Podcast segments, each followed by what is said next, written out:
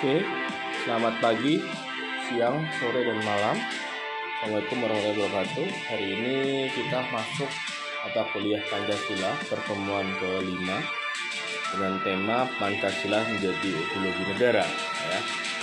Seperti yang saya katakan sebelum-sebelumnya bahwa Pancasila itu adalah filosofi Groslah, ya. Dan menurut pendapat saya pribadi bahwa Pancasila sebagai ideologi negara itu pada tataran yang belum tepat begitu sehingga karena berulang kali saya katakan eh, dalam pidato 1 Juni 1945 Pancasila itu adalah filosofi Guslah begitu ya. Sehingga di sini dalam saya terangkan di sini apa sih ideologi itu gitu ya?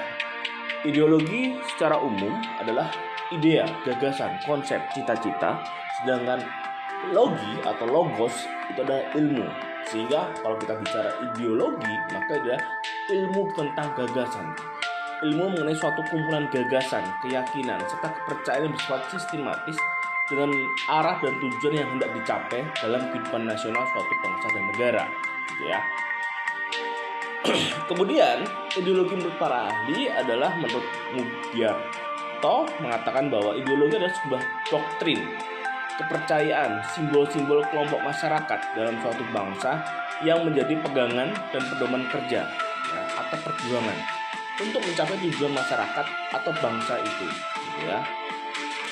Kemudian Martin Schneider mengatakan bahwa ideologi adalah sekumpulan kepercayaan, penolakan yang diungkapkan dalam bentuk pernyataan yang bernilai yang dirancang untuk melayani dasar-dasar permanen yang bersifat relatif bagi sekelompok orang Lalu sastra prateja mengatakan bahwa ideologi adalah seperangkat gagasan pemikiran yang berorientasi pada tindakan dan diorganisir menjadi suatu sistem yang teratur. Ya. Pancasila sebagai ideologi negara yaitu visi penyelenggaraan kehidupan berbangsa dan bernegara, dasar pemikiran penyelenggaraan negara dan pandangan hidup. Ya. Ideologi Pancasila sebagai ideologi negara ya, peran ideologi negara bukan hanya terletak pada aspek legal formal, melainkan harus hadir dalam kehidupan masyarakat masyarakat. Ya. Peran konkret Pancasila, ideologi negara sebagai penuntun warga negara. Ideologi sebagai penolakan terhadap nilai-nilai yang tidak sesuai dengan sila-sila Pancasila. Ya, kalau kalian masih ingat bahwa fondasi dasar dari Pancasila yaitu berkaitan dengan ketuhanan, ya, sila pertama dan kemanusiaan tanggal 30 September 1960 ya, Soekarno pernah menyatakan di dalam sidang umum PBB bahwa piagam PBB harusnya diubah dan memasukkan Pancasila ke dalam piagam tersebut ya. Karena pada dasarnya jika negara dunia ini akan damai jika memasukkan nilai-nilai Pancasila di dalamnya gitu itu bisa kalian cari gitu ya tanggal 30 September 1960 Soekarno menyatakan itu di dalam sidang umum PBB gitu ya. Lalu kemudian aktualisasi lima nilai Pancasila ya. Sila pertama dirumuskan untuk menjamin tidak adanya diskriminasi atas agama sehingga negara harus menjamin kebebasan beragama pluralisme ekspresi beragama ya. sila kedua kemanusiaan yang adil dan beradab menjadi operasional dalam menjamin pelaksanaan hak asasi manusia. Karena itu, hal merupakan tolak keberadaan setiap solidaritas suatu bangsa terhadap setiap warga negara. Ya.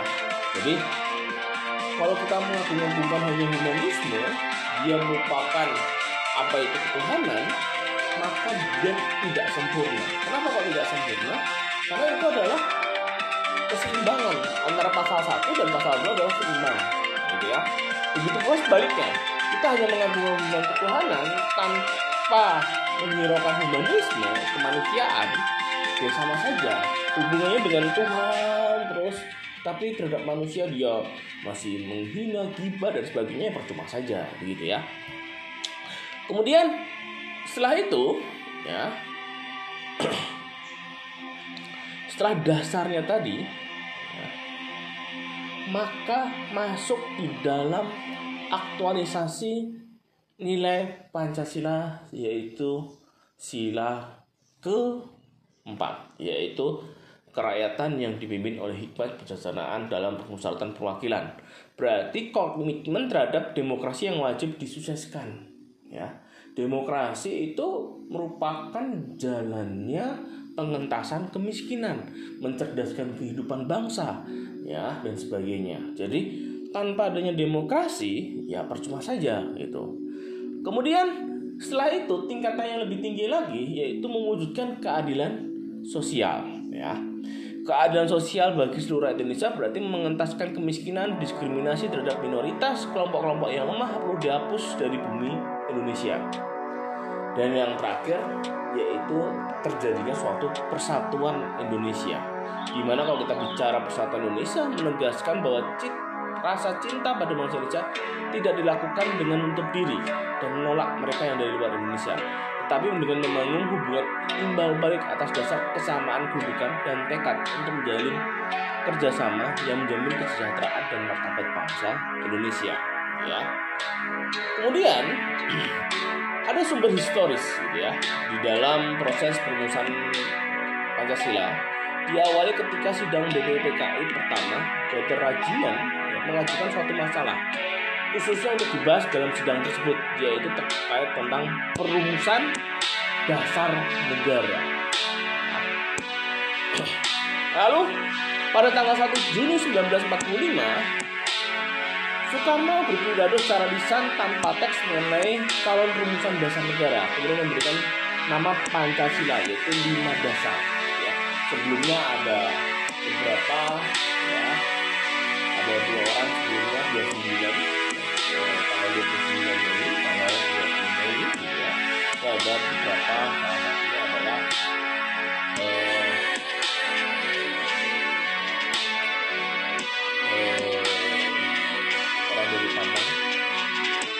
Supomo satunya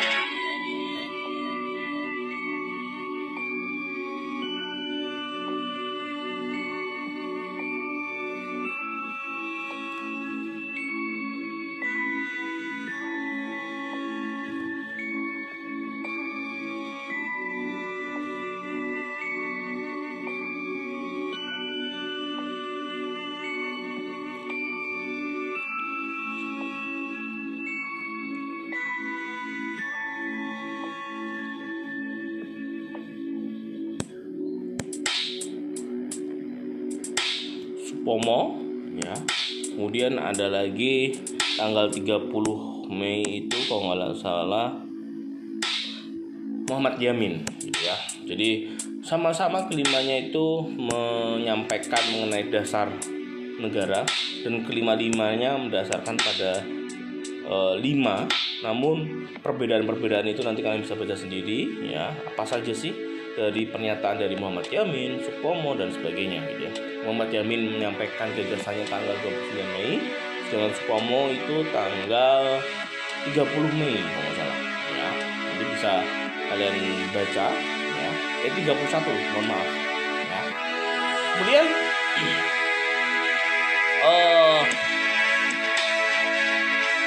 tanggal 17 Agustus 45 Indonesia menyatakan diri sebagai negara yang merdeka. Tapi menyatakan sebagai bangsa, belum menyatakan sebagai negara yang berdaulat, negara yang merdeka. Gitu ya. Baru tanggal 18 dalam sidang PPKI, ya, di situlah membuat adalah sebuah dasar negara. Gitu ya.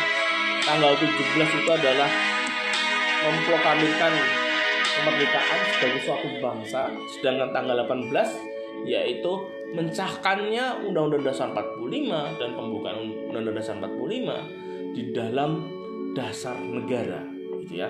Jadi seharusnya kita memperingatinya dua kali nih. Tanggal 17 sebagai bangsa, tanggal 18 sebagai negara gitu ya. Kemudian bersosiologis bangsa Indonesia telah penuh kebinekaan atas bermacam-macam agama ya yang tersebar dari 17.000 pulau. Karena itu dari sini muncul sumber sosiologis ideologi Pancasila dengan keragaman yang ada. Lalu sumber politis, nilai ketuhanan, kemanusiaan, persatuan dan kebangsaan, ya, persatuan pem, nilai kebangsaan, nilai permusyawaratan dan perwakilan dan nilai keadilan sosial. Kemudian kita bicara taat Tuhan yang Maha Esa dan sikap religius ya kalau kalau kita selalu diulang bahwa Pancasila adalah komunalistik religius ya komunal adalah menghargai sesama manusia ya kemanusiaan yang adil dan beradab religius kita percaya adanya Tuhan dan ini harus seimbang.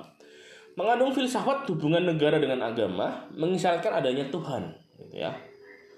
Apakah semua agama di Indonesia melakukan ibadah pada waktu yang bersamaan? Ya Terus kemarin ada sebuah pertanyaan yang sangat menarik yaitu mengapa e, Lebaran atau hari raya e, Idul Fitri liburnya panjang sekali dibandingkan hari raya pada agama-agama lain. Nah, ini nanti kita bisa diskusi pada pertemuan esok hari gitu ya. Oke. Ramadan di rumah aja bisa tetap produktif juga loh. Mungkin itu dari saya. Jika ada tambahan diskusi dan sebagainya kita lakukan esok hari. Sekian dari saya. Assalamualaikum warahmatullahi wabarakatuh. Selamat pagi, siang, sore, dan malam.